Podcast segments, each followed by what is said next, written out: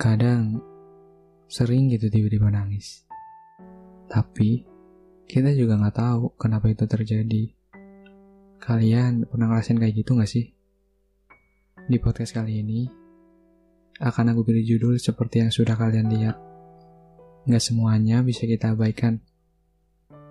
Sebelum aku mulai podcast ini, aku mau nanya nih ke kalian.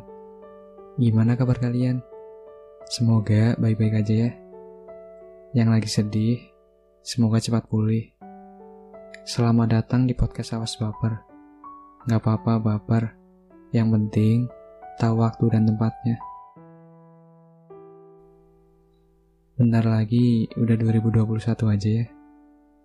Di tahun 2020 ini banyak banget hal yang terjadi di luar dugaan. Kita hanya bisa berdoa dan berusaha atas semua yang terjadi. Semoga wabah ini segera berakhir ya. Kalian sadar gak sih? Ternyata seiring berjalannya waktu, kita dipaksa buat tumbuh dewasa sama keadaan. Kita juga harus siap dengan apa yang terjadi. Dan kalaupun kita nggak siap, ya gimana ya? Ya kalau menjadi dewasa itu nunggu siap dulu, ya mungkin semua orang nggak akan mau kalau dipaksa dewasa sama keadaan. Kalian pernah gak sih ngerasain yang tadi aku ngomongin di awal? Tiba-tiba nangis gitu. Padahal sebelumnya juga gak lagi mikirin sesuatu yang bikin sedih. Karena kalau nangis karena film, lagu, atau kenangan, itu kan wajar ya. Tapi ini enggak. Tiba-tiba nangis aja gitu gak tahu kenapa. Apa karena terlalu capek ya? Bisa jadi kalau ternyata selama ini kita terlalu memaksakan diri buat terus berjuang.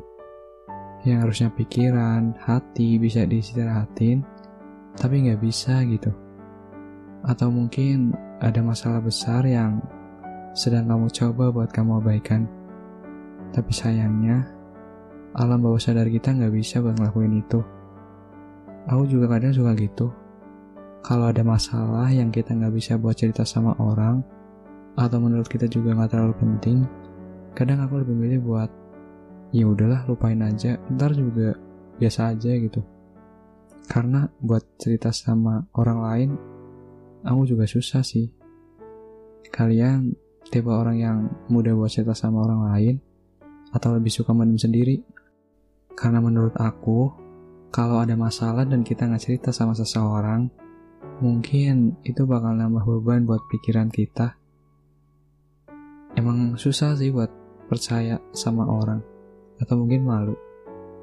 Tapi kita juga masih punya keluarga, kita bisa kok sharing sama mereka.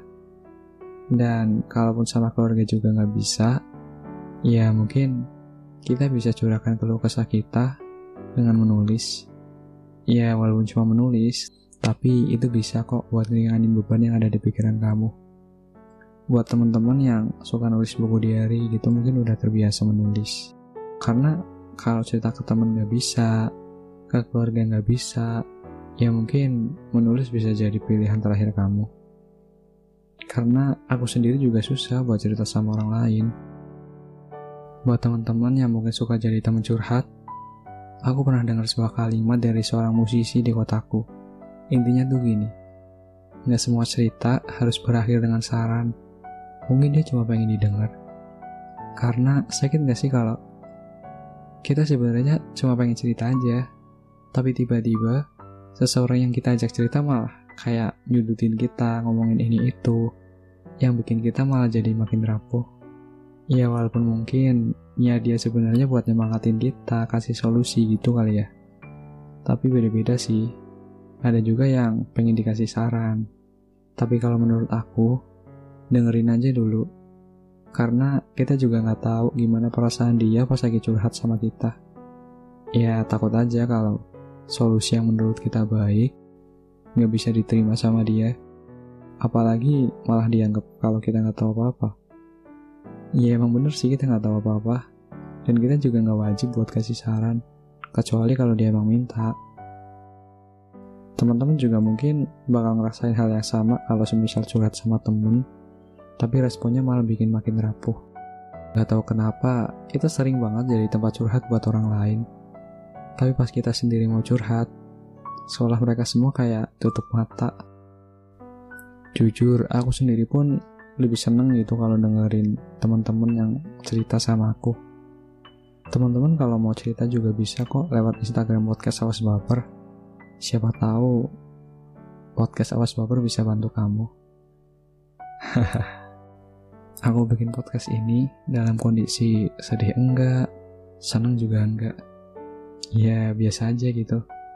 Tapi nggak tahu kenapa, setelah selesai cerita ke kalian, rasanya jadi lebih lega aja. Jadi seneng gitu.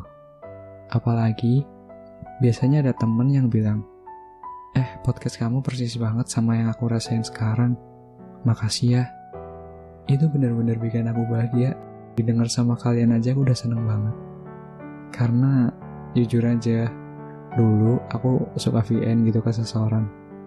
Tapi respon dia kayak gimana ya? Ya kayak dianggap angin aja gitu. Kadang juga nggak didengar.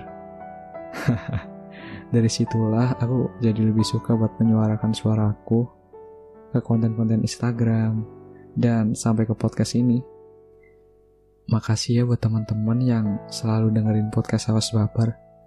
Semoga teman-teman di sana selalu bahagia. Sampai ketemu di episode selanjutnya.